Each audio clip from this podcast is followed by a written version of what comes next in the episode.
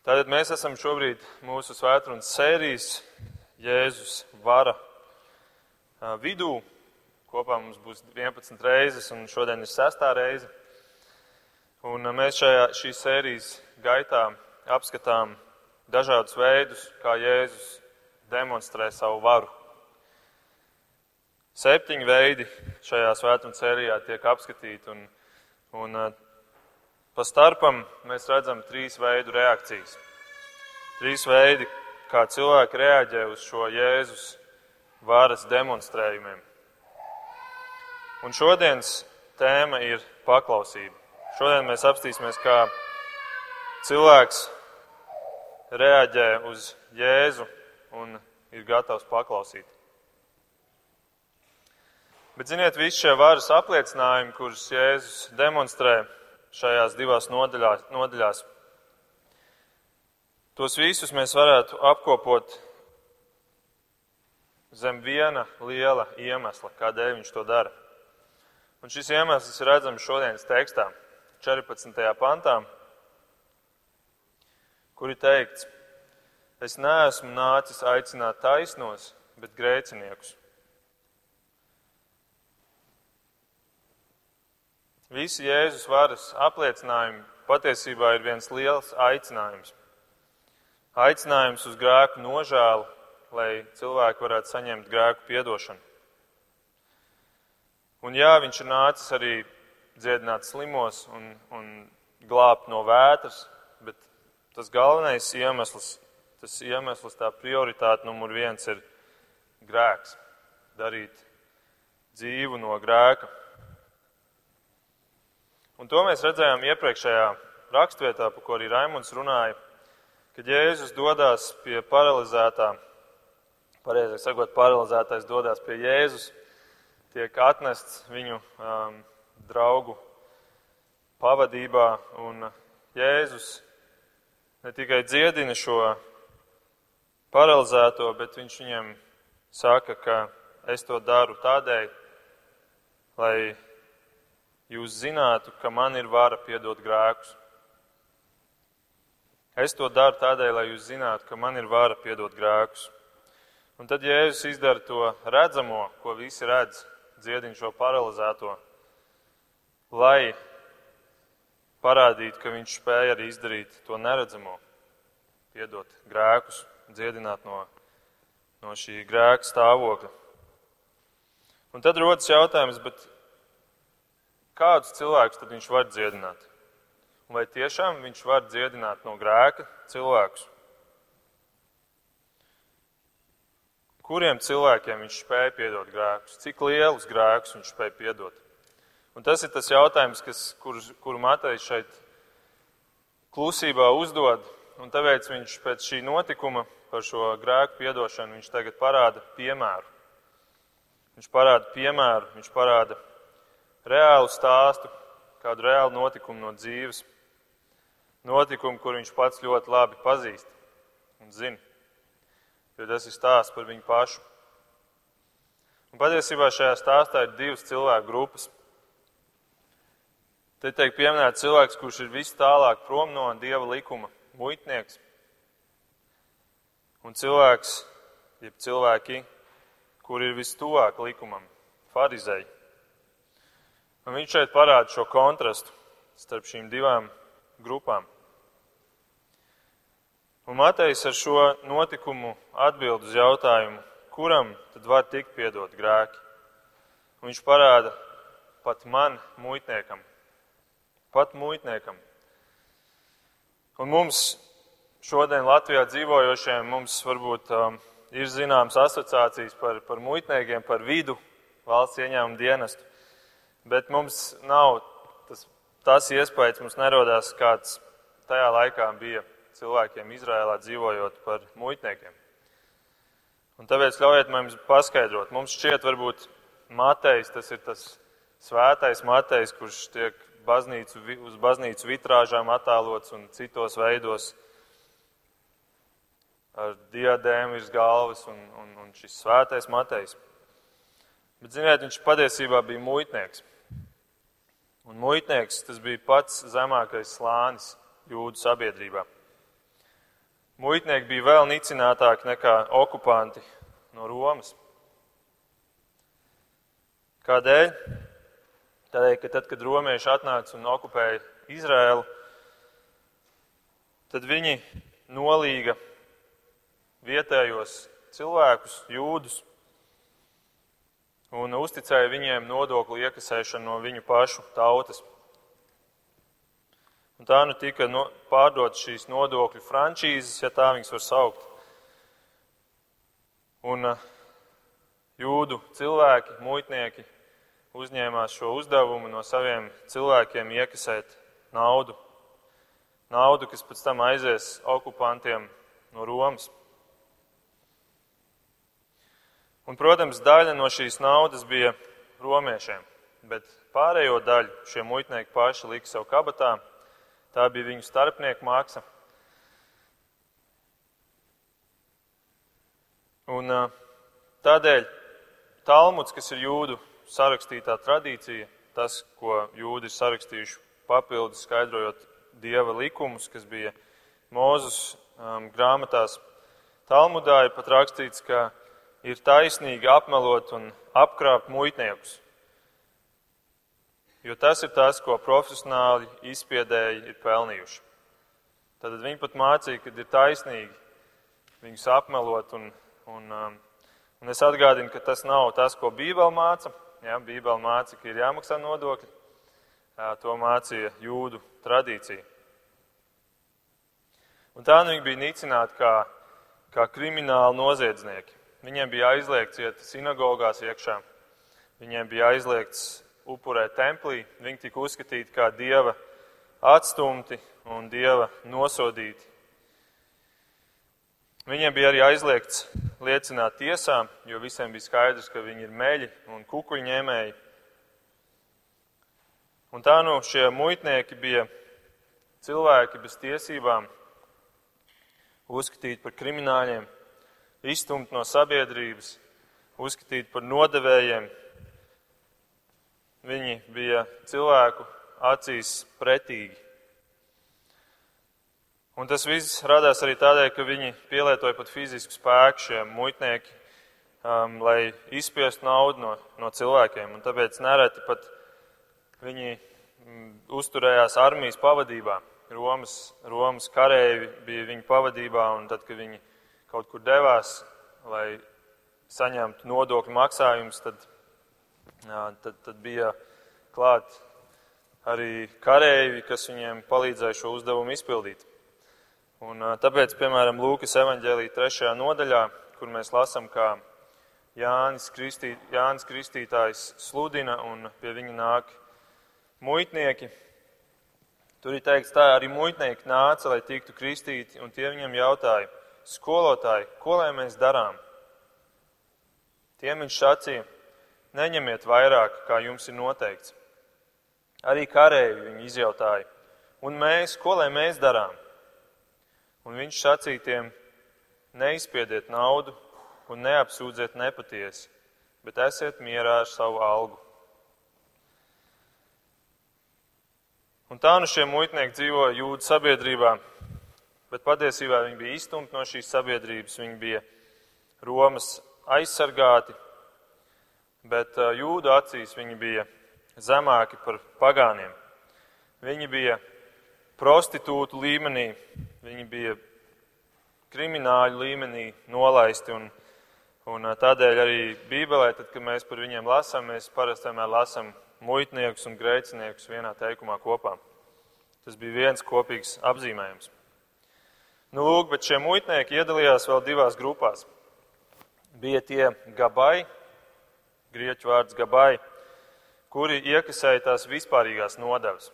Tur bija nekustamā īpašuma nodoklis, iedzīvotāju nodoklis, ienākumu nodokļi jāmaksā viņiem, tempļu nodoklis. Un tie bija tie vispārīgie, par kuriem visi puslīdz bija skaidrs, ok, tas ir, tas ir nodoklis, kas, kas visiem ir jāmaksā, un arī muitnieki, šie gabai muitnieki neņēma liels procents no šīs nodevas. Bet tad bija otri, kuriem nosaukums ir Mokhes. Mokhes. Un viņi ņēma nodokļus par visu pārējo. Viņi parasti sēdēja uz tiltiem, pie vārtiem, visur tur, kur bija kāda transporta plūsma. Viņi bija atbildīgie par importu un eksportu. Kad pilsētā kāds iebrauca vai devās ārā no pilsētas, tad viņi tur sēdēja un iekasēja nodokļus. Un tā nu viņi ņēma nodokļus par to, cik, cik āsis ir ratiem, par jebkuru paciņu vai vēstuli, kas bija līdzi um, šim ceļniekam. Viņi pat uh, skaitīja ēzelim kājas un ņēma nodokļus par kājām. Var sakot, viņi varēja ņemt par jebko, ko viņi paši varēja izdomāt. Un viņi, protams, nodokļus ņēma un lielu daļu no tiem atstāja sev. Un tāpēc arī viņi bija tik ļoti nicināti, šie, tieši šie mokhes. Bet arī šie mokhes dalījās divās daļās. Bija tie saucamie lielie mokhes, tie, kuri nolīga citus, kuri nāca un to fizisko darbu veica, kuri paši sēdēja šajās muitnīcās, un, uh, kuri, es atvainojos, kuri paši nesēdēja muitnīcās, bet paņēma kādu starpnieku. Tie lielie mokhes, kuri gribēja palikt fonā, kuri negribēja būt acu, tautas acu priekšā. Un, piemēram, viens šāds mokais ir caķais, kurš tiek saukts par virsmuitnieku. Bet bija tie mazie mokas, un tie bija tie, kuri paši visu darīja. Viņi paši sēdēja pie šiem vārtiem, paši sēdēja muitnīcās, paši veica visu darbu, un galvenais iemesls tas, tam, tam bija tas, ka viņi negribēja maksāt vēl kādam starpnieku maksu. Vārds sakot, viņi bija vēl alkatīgāki par visiem pārējiem. Un tāpēc no visiem šiem muitniekiem šie mazie mokais bija visnicinātākie. Un ziniet, Matejs bija mazais mokas. Matejs bija mazais mokas, visnicinātākais, viszemākajā slānī. Un interesanti, ka, ja mēs palasam Lūkasa evaņģēlija paralēlo rakstvietu, tad Matejs tur tiek saukts arī par Leviju kas bija viņam otrais vārds. Un Levijs ir, ir vārds, kas ir cēlies no Levija cilts. Un Levija cilts bija viena no 12 ciltīm Izrēlā. Tā cilts, kura tika izradzēta par priesteru cilti. Un tā nu šis Matejs Levijs ir saistīts it kā ar šo priesteru cilti, un tomēr viņš ir pretējā galā viņš ir kļuvis par muitnieku, par viszemāko slāni jūdu sabiedrībā. Nu, lūk, un tad mēs, zinot šo, šo fonu, šo kontekstu, mēs varam atgriezties pie mūsu raksturvietas, Matei 9, un vēlreiz izlasam to 9. pantu. Jēzus no turienes iedams projām, un runa ir par Kapernaumu, Jēzus no turienes iedams projām ieraudzīja muitnīcā sēžam kādu cilvēku vārdā Matejs. Un viņiem sacīja: Seko man! Seko man! Un tagad iedomājieties, Jēzus ar visu šo pūli dodas ārā no, no Kapernaumas. Un viņš pagriežās pret vīru, kas ir tautas, tautas acīs nicināts un, un pretīgs, nodevējs, izspiedējs, kriminālais. Un viņš saka, seko man. Un es varu iedomāties, kā to brīdi daļa no Jēzus šiem sekotājiem izplēta acis un teica, kā lūdzu Jēzu, šis muitnieks nāks tagad kopā ar mums, tu viņu aicini mūsu sekotāju pūlī. Jēzus, tu saproti, ko tas nozīmē tavai, tavai kampaņai, tavai misijai? Tu saproti, ka tu sagrausi visu savu reputāciju. Un tas iespējams bija šoks daudziem, ka Jēzus aicina šādu cilvēku. Tādu cilvēku, kurš nemūžam nav pelnījis atrasties Jēzus sakotāju pūlī.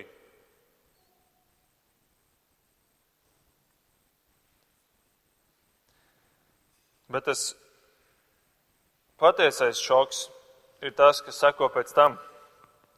Tad, kad Jēzus ir aicinājis šo vīru vārdā Matejs, šo vīru, kas ir tik tālu prom no Dieva likumiem. Un tas, kas notiek nākamajā teikumā, tas, manuprāt, ir skaistākais atgriešanās stāsts visā Bībelē.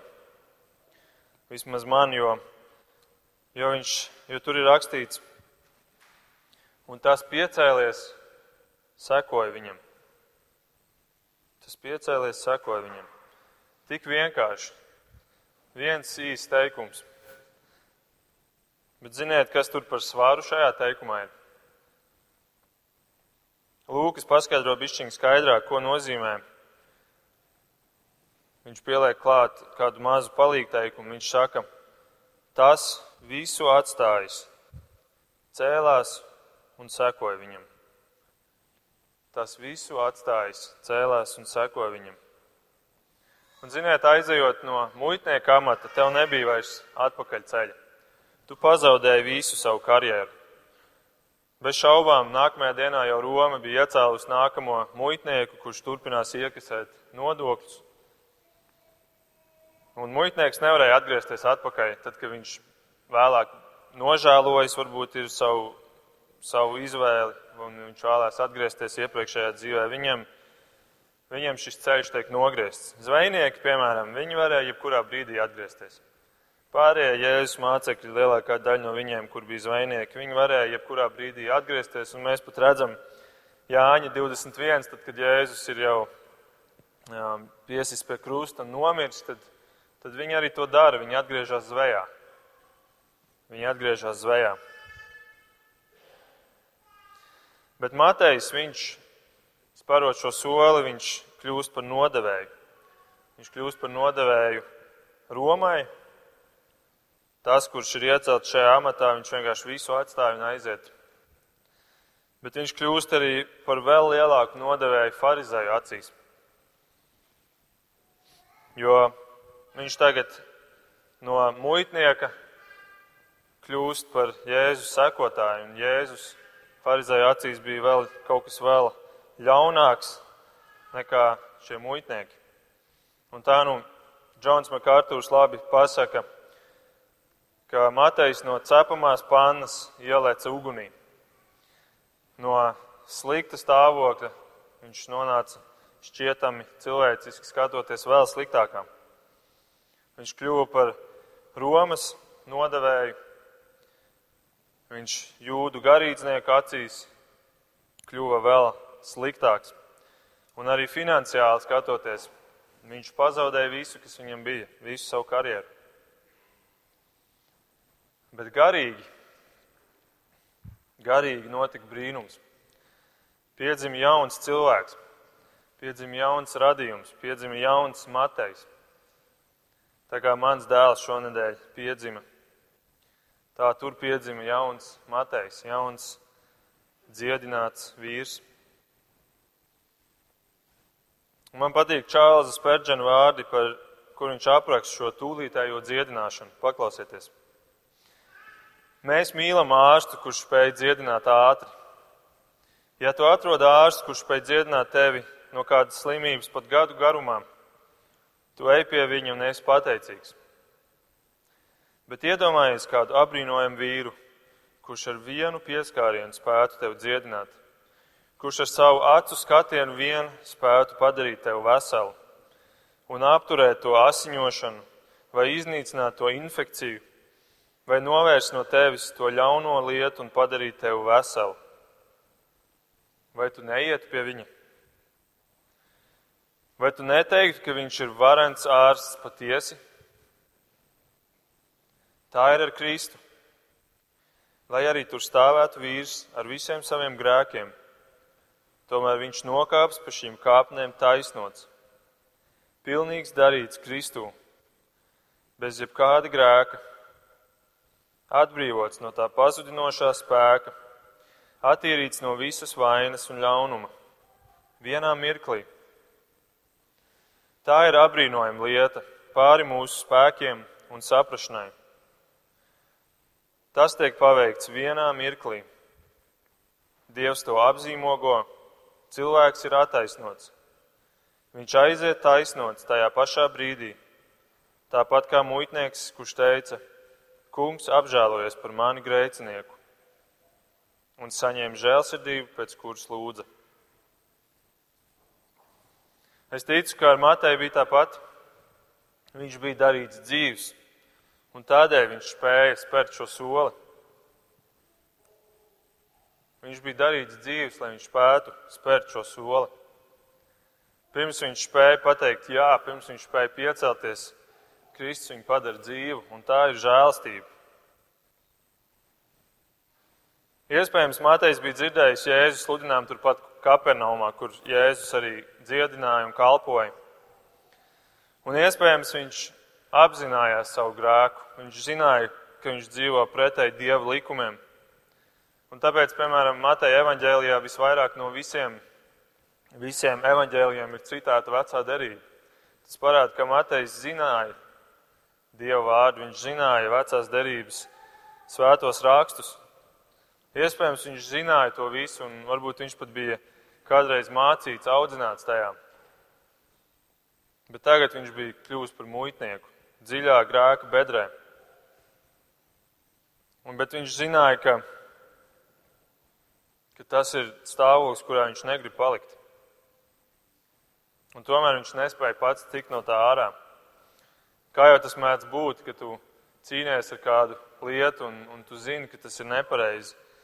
Un tu, tu zini, ka tev ir jātiek no turienes ārā, bet paiet dienas, paiet nedēļas, paiet mēneši un gadi. Un tu joprojām esi šajā bedrē. Un tu ne tikai esi viņā, bet tu ar vien dziļāk viņā slīd iekšā. Ka mums pietrūks spēka, lai pašiem tiktu ārā ka mums pietrūks tas, tas impulss, kur kāds nākt un, un, un palīdzētu tev izvilkt ārā, kur, kur kāds nākt un, un tev iedot to spēku, kurš tev pašam pietrūkst. Un tā Matejs iespējams redzēja šo jēzu turpat Kapernaumā, kalpojam un runājam un sludinām dzīvības vārdu. Un tas iespējams viņās piedās iekšā. Viņš, viņš, viņš saprata, ka, ka, ka tur ir dzīvība. Bet tad, 9. pantā, mēs lasām, ka Jēzus no turienes dodas prom. Un iespējams, Matejs turpat Kapernaums vārtos, kas ved uz Damasku, tur it kā viņš esot sēdējis. Viņš sēž un viņš redz, šis viņa, šī viņa cerība dodas prom no, no manas pilsētas. Šī mana cerība, kas man varbūt ir vienīgā cerība, lai es varētu tikt beidzot ārā no šīs bedres. Bet tad Jēzus, ejot prom, viņš pagriežās pret Mateju. Un tur pavērās šis, šis acu skatiens. Un Matejs to redz, un, un iespējams pat nebija vajadzīgs vairs šis seko man aicinājums, bet viņš saprata, ka, ka šī viņa cerība, šī varbūt pēdējā cerība tomēr ir dzīva. Jēzus pagriežās pret šo mazo mokhes muitnieku, šo jūda acīs tik pretīgo vīru. Un Matejs saņem šo impulsu. Šo impulsu, kas viņam ir vienīgā cerība. Un varbūt arī tu esi šeit un cīnies jau gadiem ar, ar grēku. Un varbūt tu cīnies ar nespēku tikt galā ar to, tad tu zini, ka arī šodien Kristus saka, tev seko man. Es tev vēlos dot to spēku, kas tev pietrūkst. Seko man. Cēlies un seko man. Dari to tagad, kamēr Dievs ir pieejams.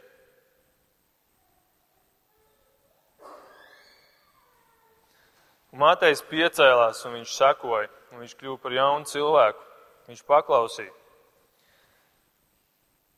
Un mēs pēc tam redzam to viņa dzīvē. Mēs redzam, ka viņš ir vīrs ar tik lielu pazemību.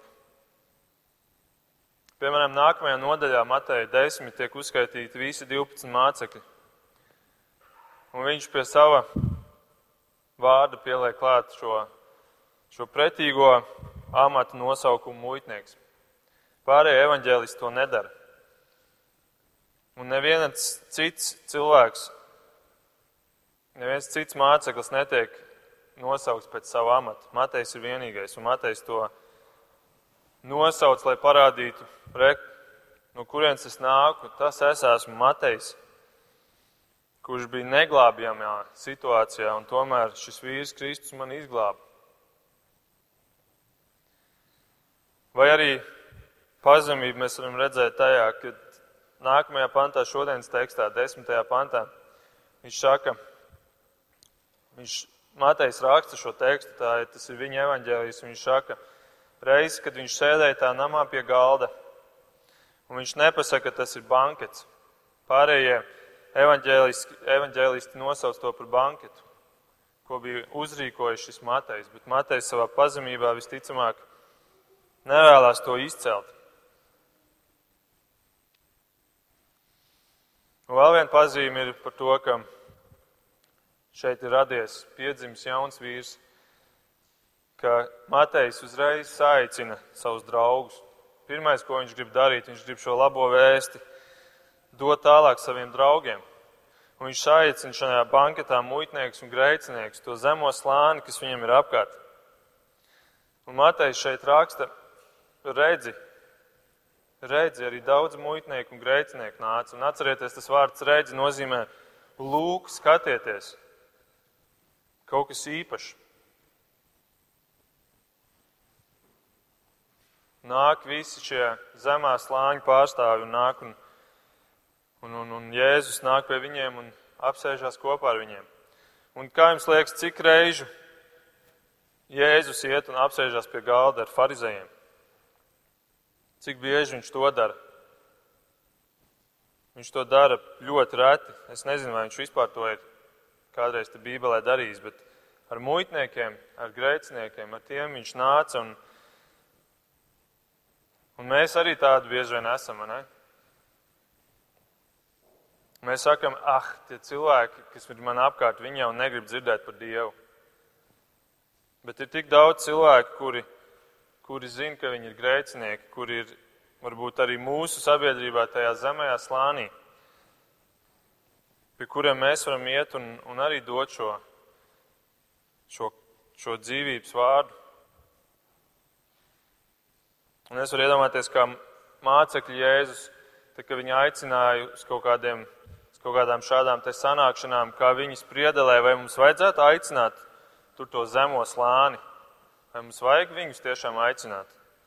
Tos muitniekus un tās prostitūtas un tos zagļus un tos ubagus.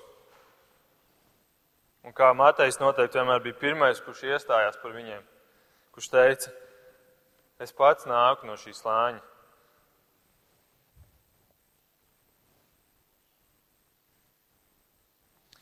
Un tā nu mēs te lasām, ka sanāk kopā šie muitnieki un, un grēcinieki, un tur arī farizēji uz to visu skatās no malas.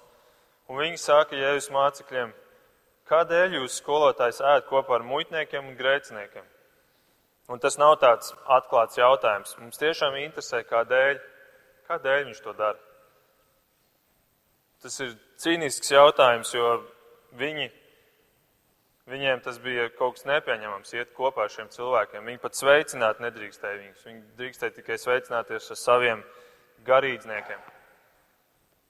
Bet šis Jēzus, kurš apgalvo, ka viņš ir Dieva cilvēks, viņš te iet un sēžas pie galda un ēd ar viņiem. Un, un tad Jēzus atbild ar trīs lietām. Pirmā lieta, ko viņš saka, ir tīri loģika kur Jēzus parāda atkal savu gudrību. Viņš saka,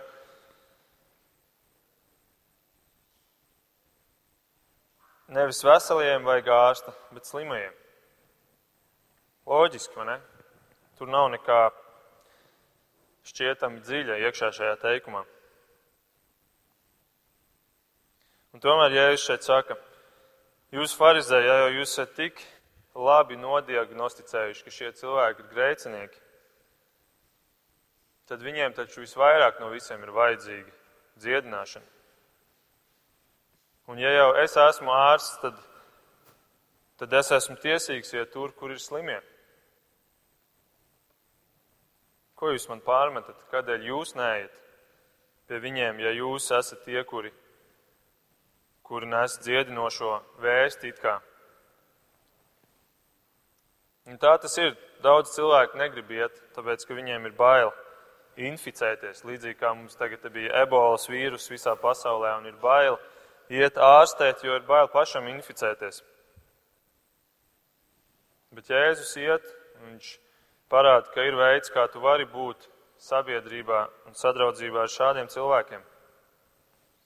Un vēl Jēzus, Jēzus kā zemtekstu šajā, šajā teikumā pasaka, ka, ja tu nejūties kā slimnieks pats, tad tu esi visslimākais no visiem.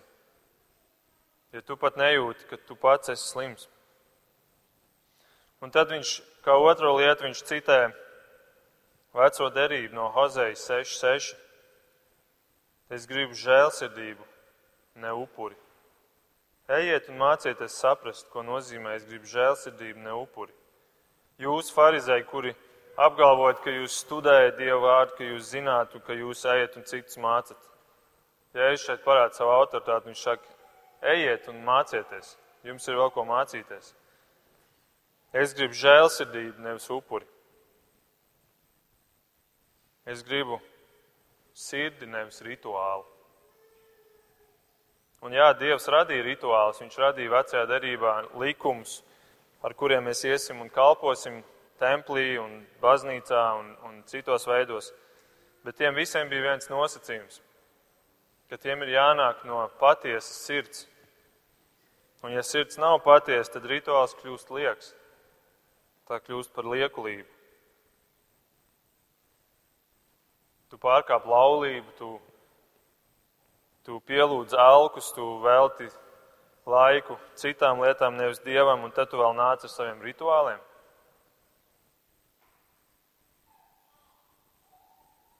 Bet lieta un patiesība jau ir tā, ka abi pārkāpja likumu, abi pārkāpja laulību un, un algdievības grēku, grēko. Bet tomēr no šiem abām grupām viena vismaz to atzīst, bet otri tēlo, ka viss ir kārtībā un, un liekuļo ar saviem rituāliem.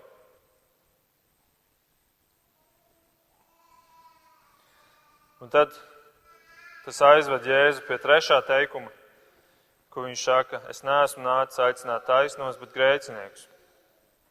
Un šo kontrastu Jēzus tik bieži piemin tieši pieminot grēciniekus, muitniekus un farizējus. Noslēgumā aiziet ar mani uz Lūkas evaņģēlī 15. nodaļu, to, ko mēs arī jau lasījām ievadā.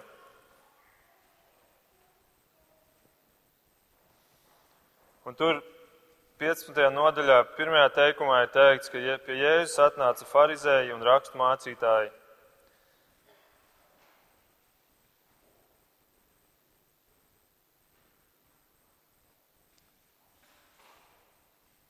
Es atvainojos, tas ir jā, Lūkas 15. Tas bija uzlikts Mateja 15. Lūkas 15. Tad, tur viņš saka, ka tur rakstīts, ka daudz muitnieku un grēcinieku pulcējas un arī farizēji tur ir. Turpat abas šīs grupas.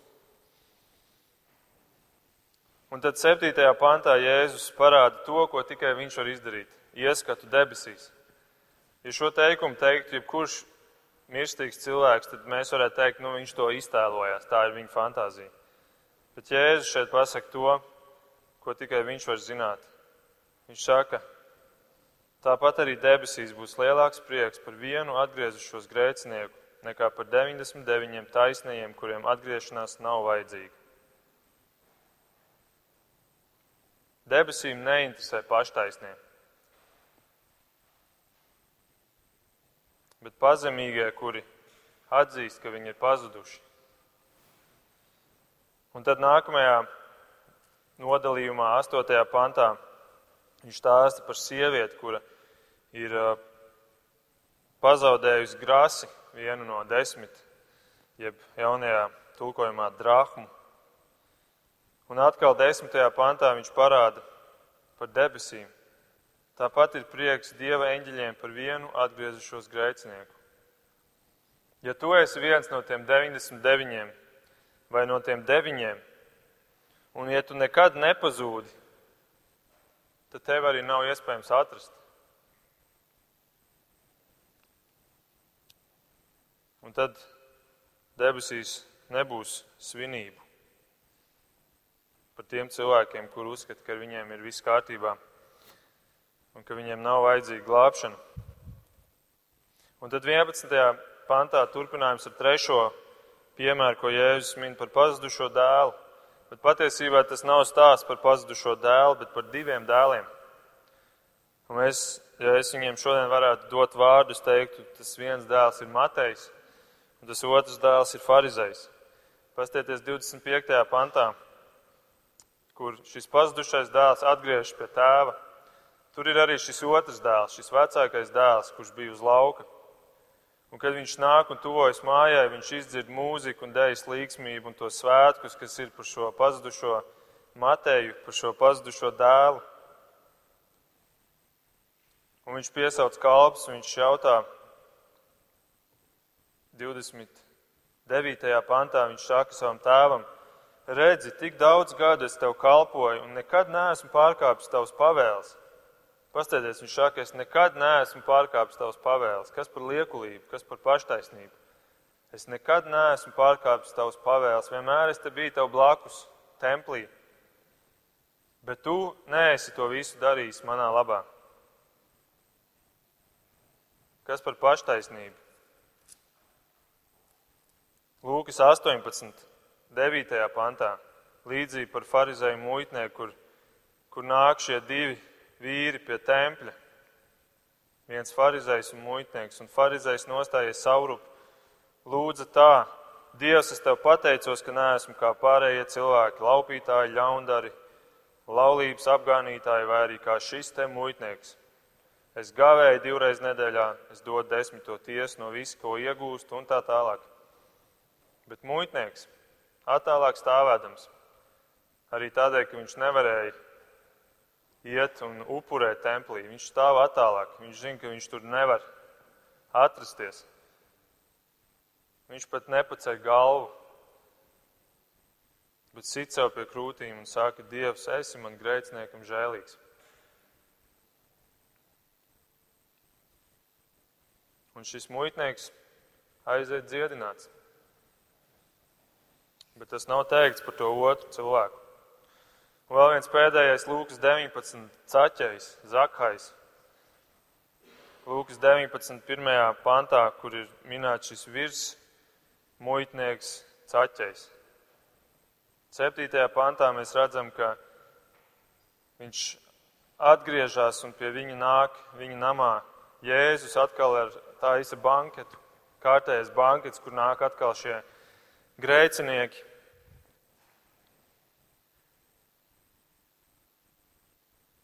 Un 7. pantā ir teikts, ka šie farizēji kurnēji atkal pie grēcīga vīra viņš ir apmeties. Protams, ka Jēzus iet pie grēcīgiem, viņš iet pie tiem, kuri zina, ka viņi ir grēcinieki, jo tie ir vienīgie, kuriem viņš var palīdzēt. Un tad 8. pantā mēs redzam, ka Caķis ir atgriezies. Viņš parāda to ar saviem darbiem. Viņš ir darīts dzīves, un viņš vēlēs atgriezt četrkārtīgi to, ko viņš ir darījis pār citiem. Tāpēc, ka tas ir noteikts otrā mūzus kā likums.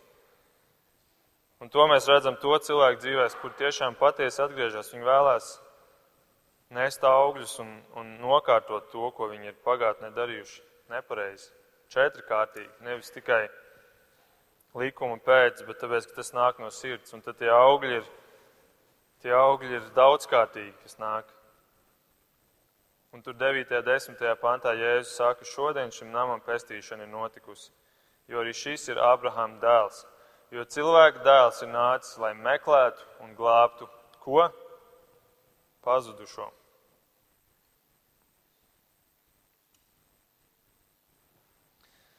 Es esmu nācis aicināt taisnos. Es neesmu nācis aicināt taisnos, bet grēciniekus. Jēzus saka, Grēcinieks, kur apzinās, ka viņi ir grēcinieki, un tās āvis, kuras apzinās un atzīst, ka viņas ir pazudušas. Redziet, un tādēļ ir jāsludina vispirms negatīvā daļa evaņģēliem, un tikai pēc tam tu vari iet un sludināt to pozitīvo. Cilvēkiem ir jāsaprot, ka viņi ir pazuduši, pirms viņi var tikt atrasti. Mūsu Vīlāns draudzes mājaslapā ir citātu sadaļa, un uh, tur ir skaists citāts no Jūlijas Šnēvina, kur ir teikts, šī lūk ir jaunpiedzimšana, pieņemt savu nāves spriedumu un tad Dieva attaisnošana. Pieņemt savu nāves spriedumu un tad Dieva attaisnošana. Lūk, tāds bija Matejs. Un, ziniet, viņš nekad, nevienu reizi evaņģēlijos netiek pieminēts kaut ko darām vai sakām. Viņš neko citu bez šī viena notikuma nesaka, nekur neparādās. Un iespējams tas ir tādēļ, ka viņam bija šī lielā un dziļā grēka apziņa. Viņš zināja, no kurienes viņš ir nācis, viņš zināja, no kādas bedres viņš ir izvilkts ārā. Viņš zināja, kāda žēlastība viņam ir notikusi, ka Jēzus neaizgāja, bet viņš paskatījās uz viņu un aicināja viņu. Un tā nu Matejs ir šis klusais vīrs, kurš nepiemina pat banketu, kur viņš ir uzrīkojis, ko citi piemin, bet kurš piemin savu kaunpilnu amatu, kuru citi nepiemin.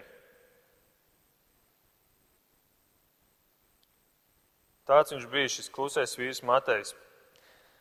Līdz vienu dienu Dievs viņam uztic ņemt pildspālu rokā un sarakstīt jaunās derības pirmo grāmatu to, kur mēs tagad studējam. Dievs lietoja šo vīru tā, ka mēs vēl šodien redzam viņa augļus. Un mēs šodien varam lietot šos augļus. Šādus cilvēkus Dievs spēja lietot. Viņš spēja lietot tos zemākos, tos nekvalificētos, tos, kurus viņš padara dzīvus un dod viņiem spēku, tos, kurus pasaule uzskata par, par nespējīgiem, par nekvalificētiem. Arī es šeit šodien stāvu, es nekad neesmu studējis teoloģiju, bet šeit es stāvu un es varu tikt lietots viņa spēkā, nevis savā spēkā. Un tāpat mūsu vidū ir tik daudz cilvēku, kuri, kuri nav kvalificēti kalpotāji, kur nav mācījušies, studējuši, un tomēr Dievs jūs lieto. Dievs mūs lieto. Grēcinieks, kur ir darīti dzīvi žēlastībā, kur nes evaņģēlīju pasaulē tāpat kā Matejs to darīja. Un literatūra vēsta, ka Matejs palika uzticams līdz galam, nesot evaņģēlīju līdz Etiopijai, kur viņš arī atdeva savu dzīvību sava kunga dēļ, mirstot mocekļu nāvē. Un vārds Matejs nozīmē dieva dāvana. Tā ir tā nozīme šim vārdam - dieva dāvana. Un tiešām Matejs bija dieva dāvana mums. Mēs to redzam šodien, tagad. Bet, ziniet, Dievs vēlēs arī, ka jūs kļūstat par viņa dāvanu citiem. Ka viņš var iet un lietot jūs. Un, un ja, ja tu to vēlies, tad Atbildi šodien Kristum, kurš tev saka, seko man. Seko man. Ja tu nepazīsti viņu, tad, tad seko viņam un kļūst par viņa sekotāju mācekli. Bet ja tu uzskati, ka tu esi viņa sekotājs, tad paklausi viņam un, un seko tam, seko viņam pa to ceļu, pa kuru viņš vēlēs, lai tu ej, lai tu vari nest augļus. Lūksim.